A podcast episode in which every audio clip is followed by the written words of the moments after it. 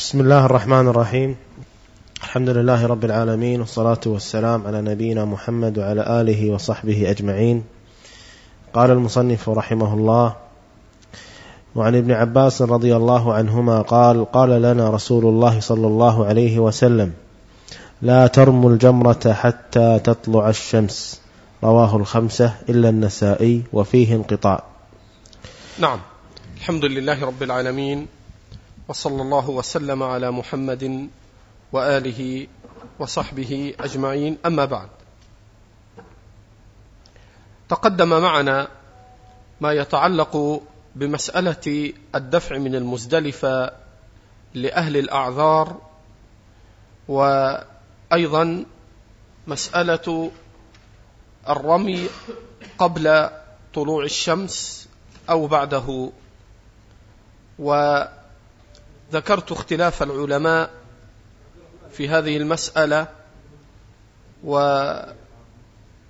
والتصحيح لحديث ابن عباس كما جاء من طرق وشواهد تقويه وقد صححه الألباني وغيره. والمقصود أن أهل الأعذار يدفعون من المزدلفة ليلا ولكن لا يرمون الجمرة. إلا بعد طلوع الشمس وتقدمت هذه المسألة. هذا بالنسبة ليوم النحر. وأما أيام التشريق الحادي عشر والثاني عشر والثالث عشر فلا يكون الرمي إلا بعد الزوال يعني بعد الظهر. فإن النبي عليه الصلاة والسلام لم يرمي في الحادي عشر والثاني عشر والثالث عشر لم يرمي إلا بعد الظهر بعد الزوال. بينما رمى يوم النحر يوم العيد ضحى.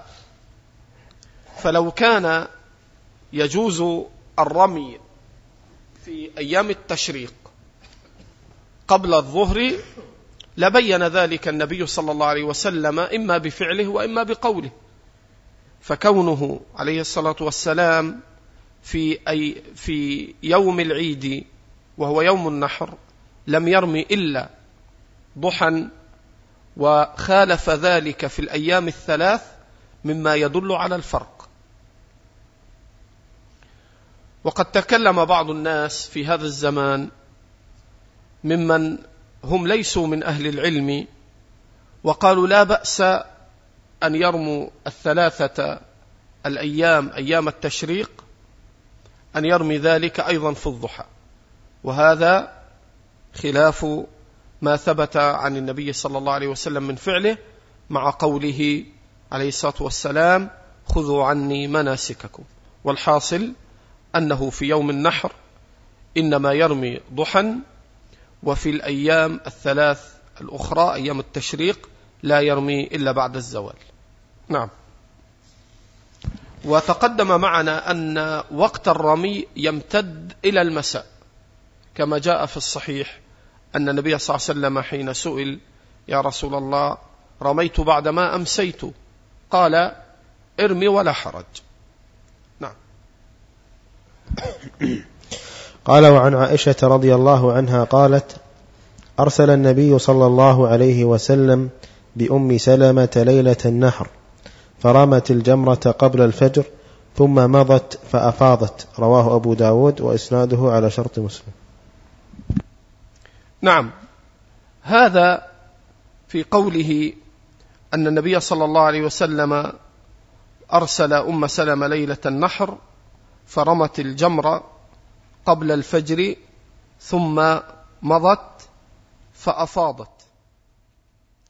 وهذا استدل به من قال بجواز الرمي قبل الفجر للضعفاء. وتقدم البحث في هذا وفيه قوله ثم مضت فأفاضت أي فأفاضت بالبيت. ولذلك إنما يشرع الإفاضة طواف الإفاضة في البيت إنما يكون فجرا بعد أن يرمي فإن النبي صلى الله عليه وسلم رمى أولا ثم أفاض عليه الصلاة والسلام. وهذه الإفاضة هو طواف الإفاضة آخر ركن من أركان الحج. نعم بعده بعض الواجبات كالمبيت بمنى لكن آخر ركن من أركان الحج هو طواف الإفاضة الذي به يتم الحج. وبعد ذلك يبقى طواف واحد للحاج وهو طواف الوداع. إذا ودع البيت وأراد أن يرجع إلى أهله فإنه يطوف طواف الوداع ورخص عن الحائض كما قال ابن عباس في هذا. نعم. وعن عروة بن مضرس رضي الله عنه قال قال رسول الله صلى الله عليه وسلم من شهد صلاتنا هذه يعني بالمزدلفة فوقف معنا حتى ندفع وقد وقف بعرفة قبل ذلك ليلا أو نهارا فقد تم حجه وقضى تفثه. رواه رواه الخمسة وصححه الترمذي وابن خزيمة. هذا تقدم معنا شرحه وما فيه من الأحكام. نعم.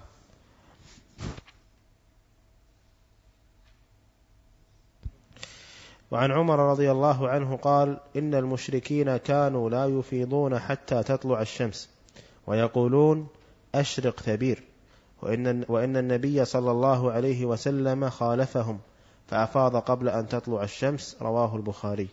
هذا تقدم معنا في حجة النبي صلى الله عليه وسلم أنه حين بات في المزدلفة فأصبح أتى المشعر الحرام ووقف عليه الصلاة والسلام يدعو ويذكر ربه عند المشعر الحرام.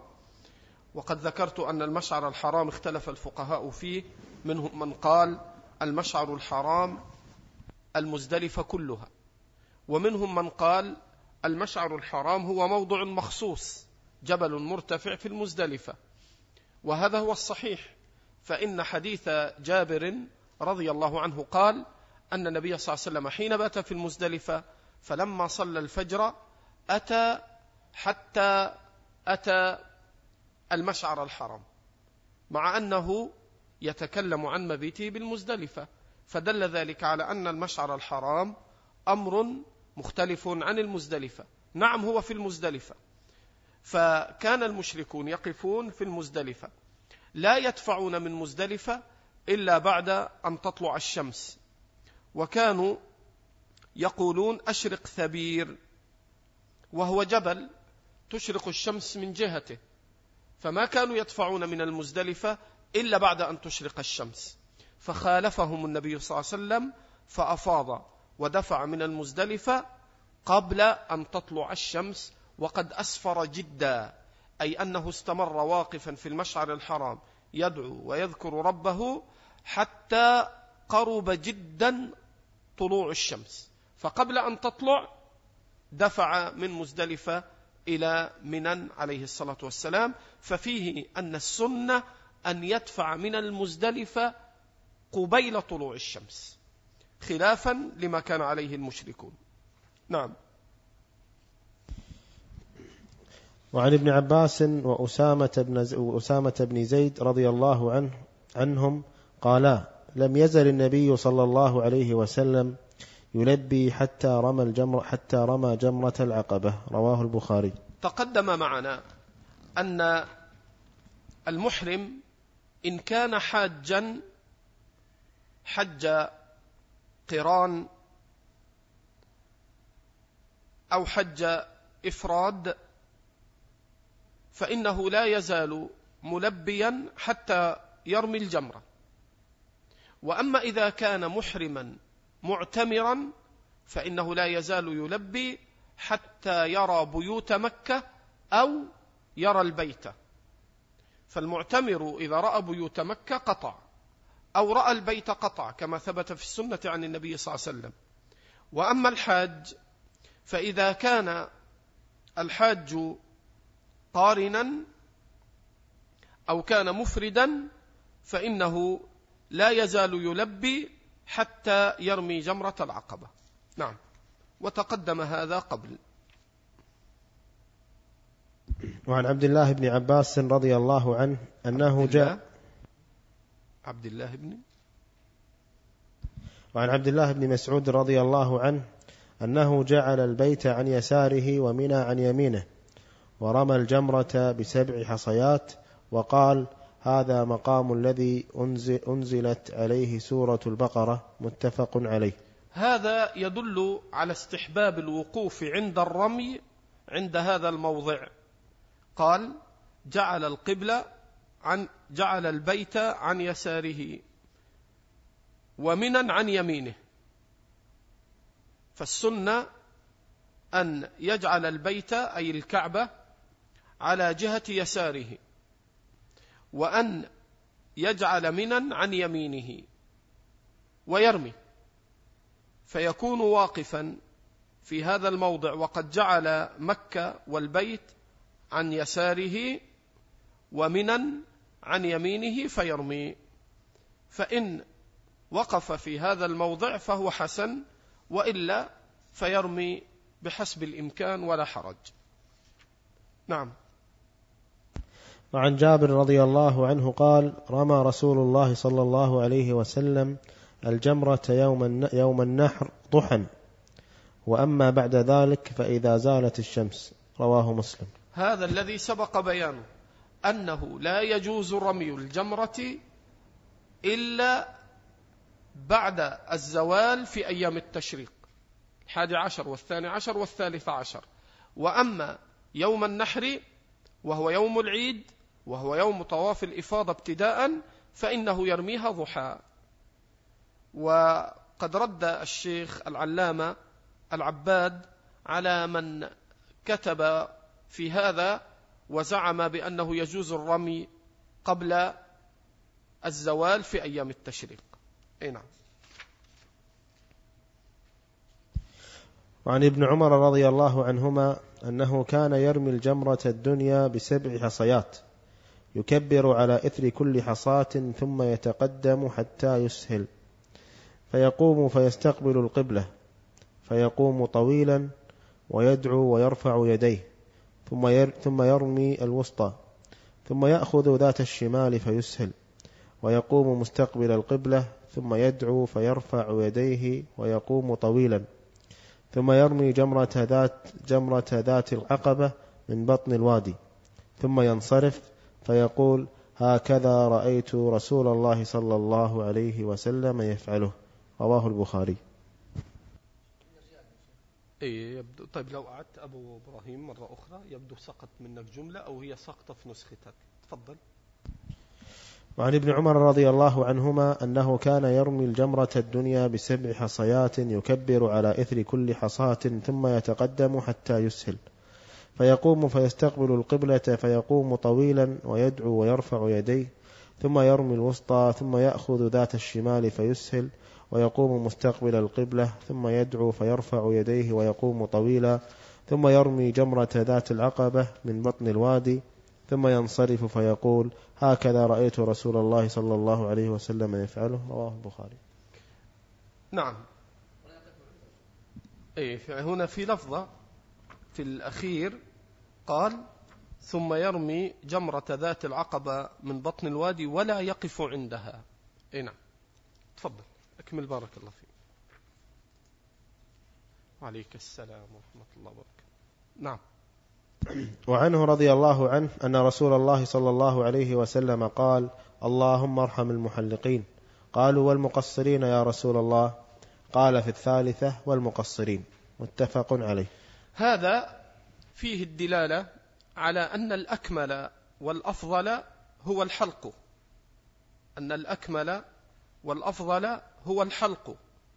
فإنه دعا عليه الصلاة والسلام للمحلقين قال اللهم ارحم المحلقين ثلاثا. اللهم ارحم المحلقين اللهم ارحم المحلقين اللهم ارحم المحلقين. قالوا يا رسول الله والمقصرين؟ قال والمقصرين اولا الحلق إنما يكون لعامة الرأس. وكذلك التقصير. أما كون الحلق لعامة الرأس واضح. وأما التقصير فإن بعض الناس إذا أراد أن يقصر في حجه أو عمرته فإنه لا يعمم رأسه بالتقصير وإنما يتناول شعيرات فيقصها ولكن لا يتتبع الرأس كله في التقصير. وقد اختلف الفقهاء هل يجزئه بأن يقصر بعض الرأس ولا يتتبع الرأس كله؟ فاختلف الفقهاء في ذلك. والصحيح والله أعلم الذي دلت عليه السنة أنه كما أن الحلقة ينبغي أو هو يعم الرأس كذلك التقصير يعم الرأس كله. فلا ينبغي أن يأتي ويأخذ بعض شعيرات ويقصها لأن هذا لا يقع عليه في اللغة أنه قصر رأسه. وإنما كما يقال أنه حلق رأسه إذا حلق الرأس كله. أما لو أنه حلق شيئا من الرأس فلا يقال بأنه حلق رأسه. لذلك ينبغي والسنة والصحيح من أقوال أهل العلم أن يعمم الرأس كله بالتقصير كما يعمم الرأس بالحلق. وأما المرأة فمن المعلوم أن المرأة لا تحلق بل هي منهية عن حلق رأسها. فكيف تقصر؟ قال العلماء تجمع أطراف شعرها وتضمه ثم تأخذ منه ما تيسر لها. فهذا هو التقصير بالنسبة للمرأة وكذلك يفترق عنها الرجل في باب التقصير فإنه يقصر الرأس كله والمرأة تأخذ ما نزل وسدل أو انسدل من شعرها وتجمعه وتأخذ منه ما تيسر دفعة واحدة. وعليك السلام هذا ما يتعلق بالحلق والتقصير وبالنسبة للمرأة وبالنسبة للرجل. وهو أحد الأعمال الأربعة التي يتحلل بها الحاج أو المعتمر في عمرته إذا كان متمتعا أو كان قارنا فيحصل بذلك بأن الحلق والتقصير هو تحلل حتى في العمرة المفردة فكله يجب فيه الحلق أو التقصير. نعم.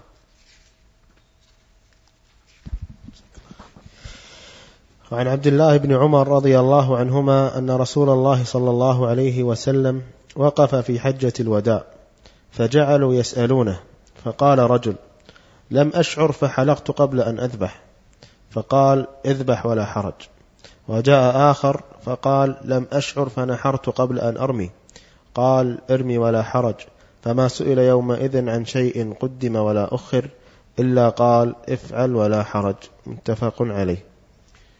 وهذا يدل على أن هذه الأفعال الأربعة التي تكون يوم النحر فإن في يوم النحر أربعة أفعال الرمي والنحر والحلق أو التقصير وطواف الإفاضة. هذه الأربعة أعمال هي أربعة أعمال يوم النحر. الرمي ثم الرمي والنحر والحلق أو التقصير وطواف الإفاضة. هذه الأربعة لا خلاف بين العلماء بأنه يجوز أن يقدم بعضها على بعض. والحجة في هذا ما جاء في الصحيحين من قوله عليه الصلاة والسلام افعل ولا حرج. ولا شك أنه من الأكمل أن يراعي فعل النبي عليه الصلاة والسلام. فإن النبي ابتدأ بالرمي وانتهى بطواف الإفاضة. لكن إن قدم بعضها على بعض فإن صريح الحديث فيه قوله عليه الصلاة والسلام افعل ولا حرج. وقد ظن بعض الناس ممن هم ليسوا من أهل العلم قالوا أن قوله افعل ولا حرج يتفق إيقاعه في كل ما يتعلق بالحج. فنزعوا من هذا إلى أنه يجوز أن يرمي رمية الجمرة في أيام التشريق قبل الزوال. مستدلين بقوله افعل ولا حرج. وهذا جهل من قائله فإن المراد من قوله صلى الله عليه وسلم افعل ولا حرج إنما هو ما كان مختصا بهذه الأفعال الأربعة في هذا اليوم. وإلا فإن هناك من الأفعال ما جعل النبي صلى الله عليه وسلم فيه حرجا ومنعا مثل الرجل الذي أحرم بجبته وعليه أثر الطيب. فالنبي صلى الله عليه وسلم أمره أن ينزع الجبة وأن يغسل عنه أثر الطيب. نعم.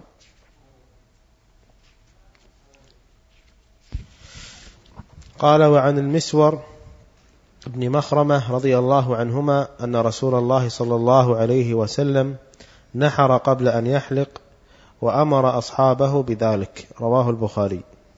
نعم. قوله أن رسول الله صلى الله عليه وسلم نحر قبل أن يحلق وأمر أصحابه بذلك.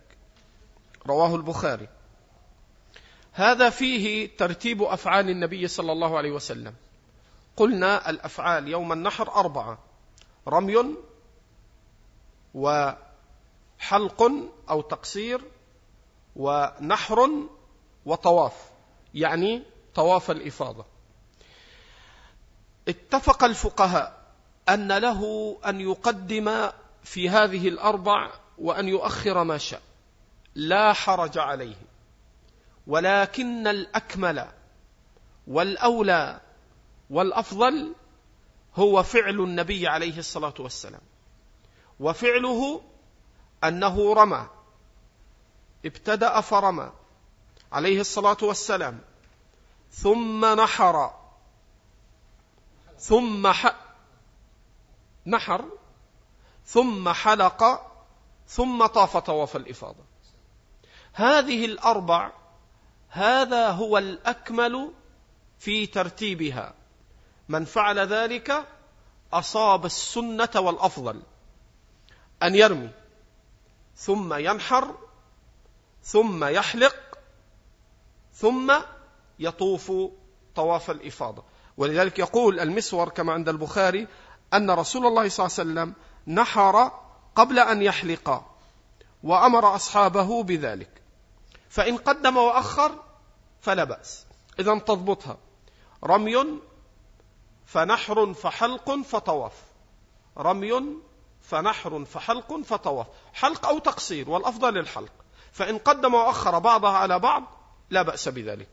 بما يكون التحلل سبق البحث في هذا لكني أذكر به. إذا فعل اثنتين من أربع فقد تحلل. وهل يتحلل بالرمي فحسب؟ فيه خلاف. فيه خلاف. قال بعض أهل العلم إذا رمى تحلل التحلل الأصغر. التحلل الأصغر معلوم. يحل لك كل شيء إلا النساء إلا مجامعة الزوجة. لا يجوز إلا بأن تنهي حجك بطواف الإفاضة كاملا فتتحلل التحلل الأكبر. وقد ثبت عن النبي صلى الله عليه وسلم قوله إذا رميتم الجمرة فقد حل لكم كل شيء إلا النساء. وهو اختيار الإمامين الشيخ ابن باز والشيخ الألباني. واستدلا بهذا الحديث. إذا رميتم الجمرة فقد حل لكم كل شيء إلا النساء.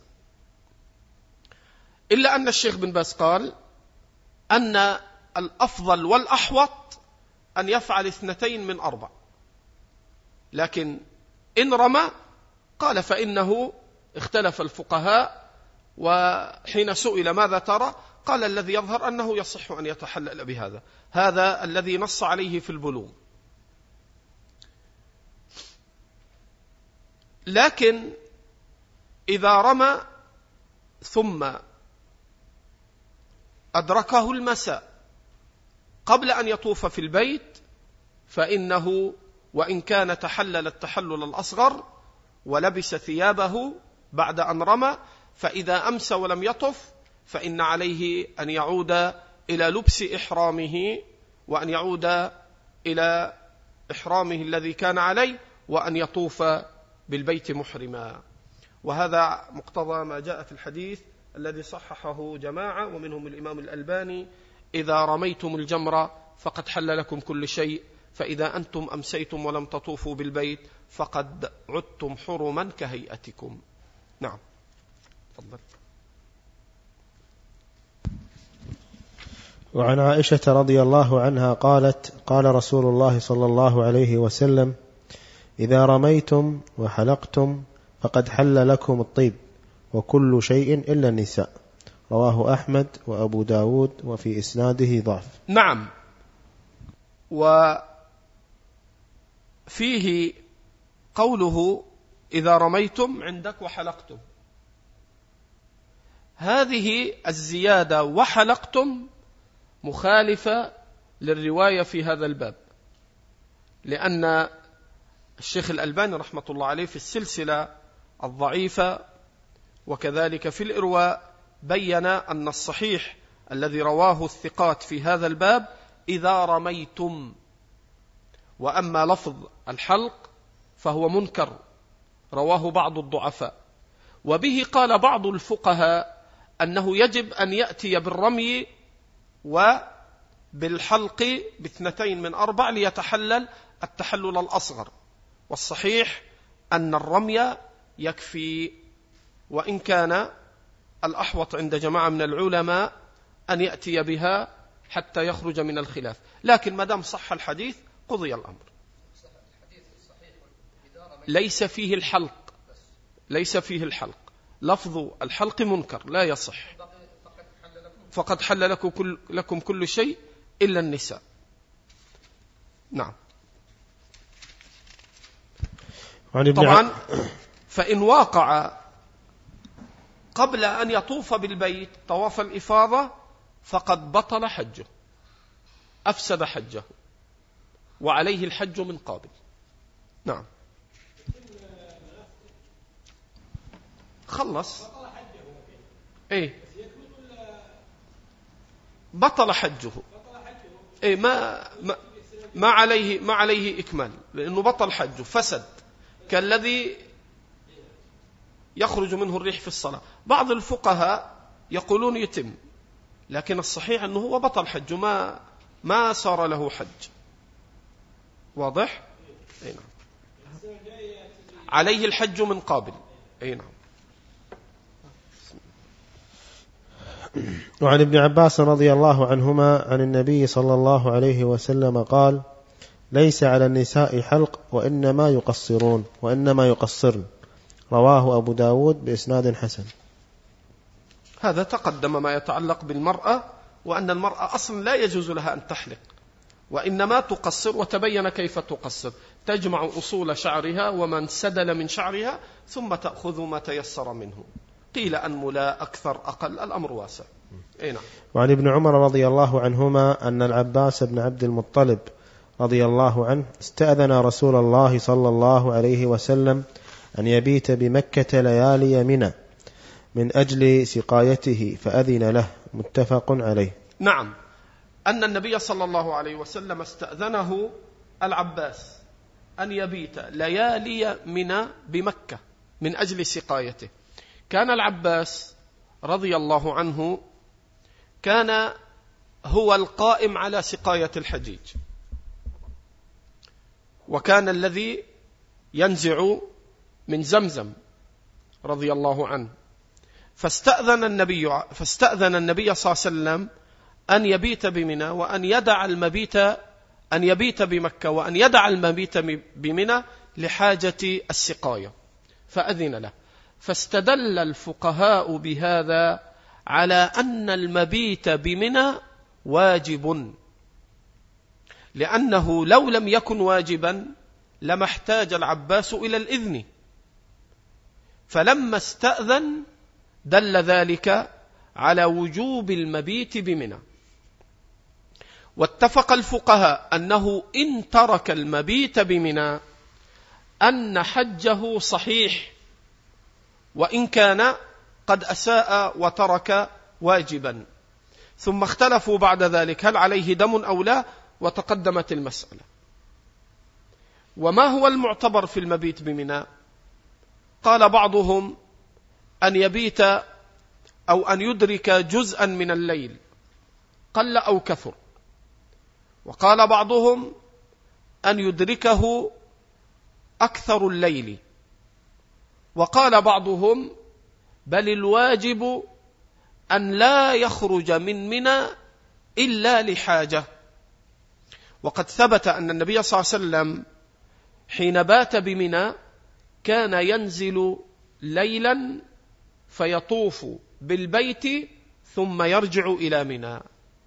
ففي هذا الدليل على أنه لا يجب عليه أن يكون بمنى طيلة الليل وإنما أن يكون بها ما لم يكن عنده حاجة من طواف ونحوه فحينئذ بأن يكون مدركا لأكثر أو لأكثر الحال ولأكثر الليل في منى. فإذا نزل إلى البيت فطاف لا حرج.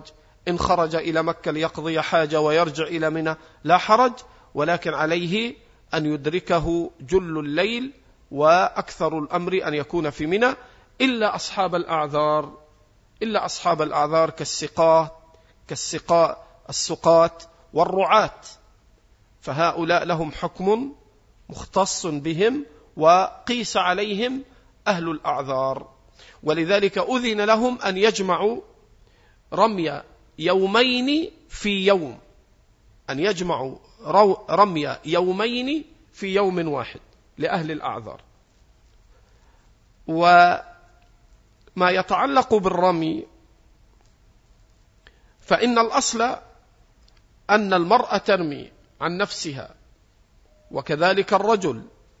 فإذا تعذر وكانت محوجة لمرض ونحوه فإن جماعة من أهل العلم رخصوا هنا أن يرمي عنها من توكله كزوجها أو ابنها أو أخيها ونحو ذلك.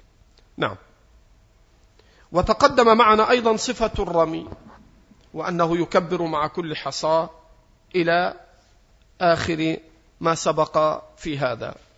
وهنا باب التعجل من تعجل في يومين فلا إثم عليه ومن تأخر فلا إثم عليه.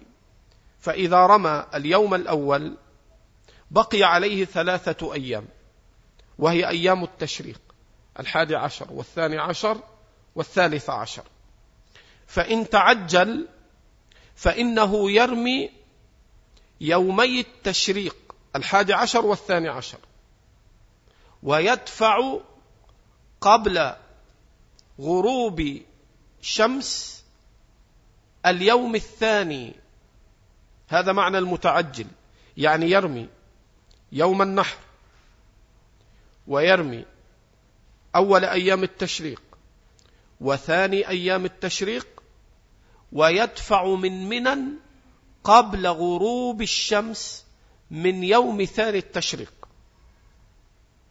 فإن غابت الشمس عليه ولم يخرج من منى ثاني يوم التشريق وجب عليه أن يبيت ليرمي اليوم الثالث.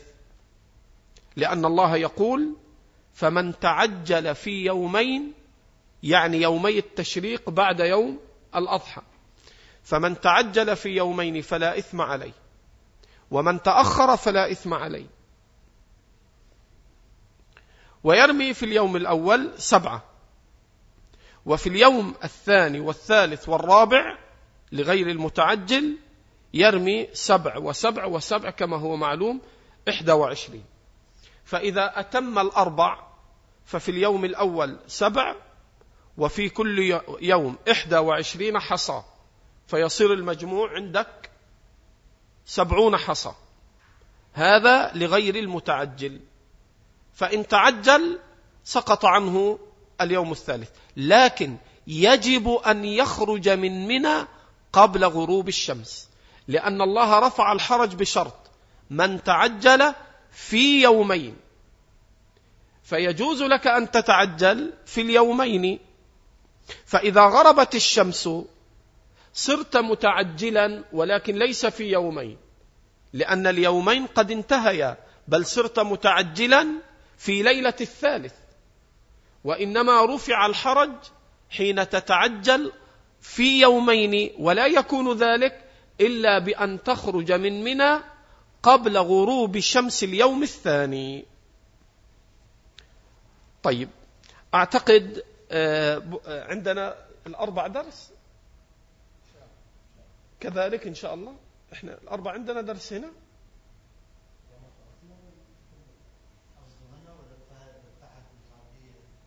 لا أنا أريد نختم إن شاء الله. نختمه ل نختمه ل يوم الأربع بإذن الله. لأنه باقي عندنا حوالي خمسة أحاديث فبها نختم كتاب الحج. فنبقيها اليوم الأربع حتى نعمل مراجعة على ما سبق.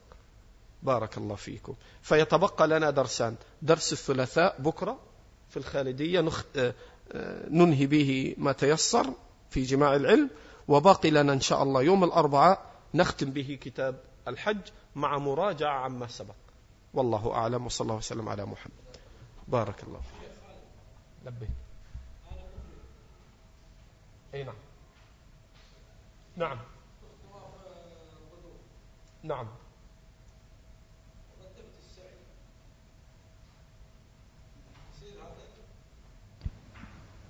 إنما تقدمت السعي على الطواف لا هو الطواف مدعو بعدين السعي تقدم سعي الحج عندي طواف واحد إنما تسعى عند موضع نزولك حين تطوف في طواف الحج بعد نزولك من المنحر وبعد ما تنهي طبعا المفرد ليس عليه نحر. فالنبي صلى الله عليه وسلم إنما أمر الذين أفردوا بالحج ممن ساقوا الهدي أو كانوا قارنين إنما يسعون في يوم النحر. السعي والطواف. السعي والطواف. هذا هذا بعض الفقهاء قال يجوز أن يجمع بين طواف الإفاضة وطواف الوداع. يعني إذا هو الآن أنهى من رمي الجمار فرمى ثم بعد ذلك اتبع السنة رمى ونحر ثم حلق أو قصر ثم طاف طواف الإفاضة. وهو يريد بعد طواف الإفاضة أن أن يرجع. هنا بعض الفقهاء قالوا يجوز له أن يجمع الطوافين بنية واحدة. ما هي؟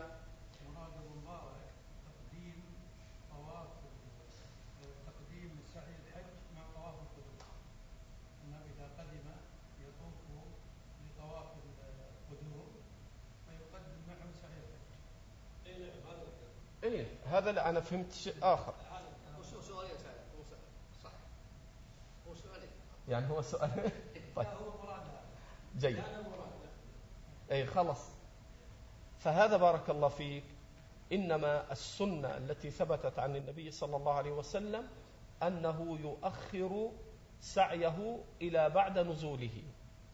إلى بعد ما ينزل من رميه وينتهي من أفعاله يوم النحر بعد ذلك يطوف ويسعى.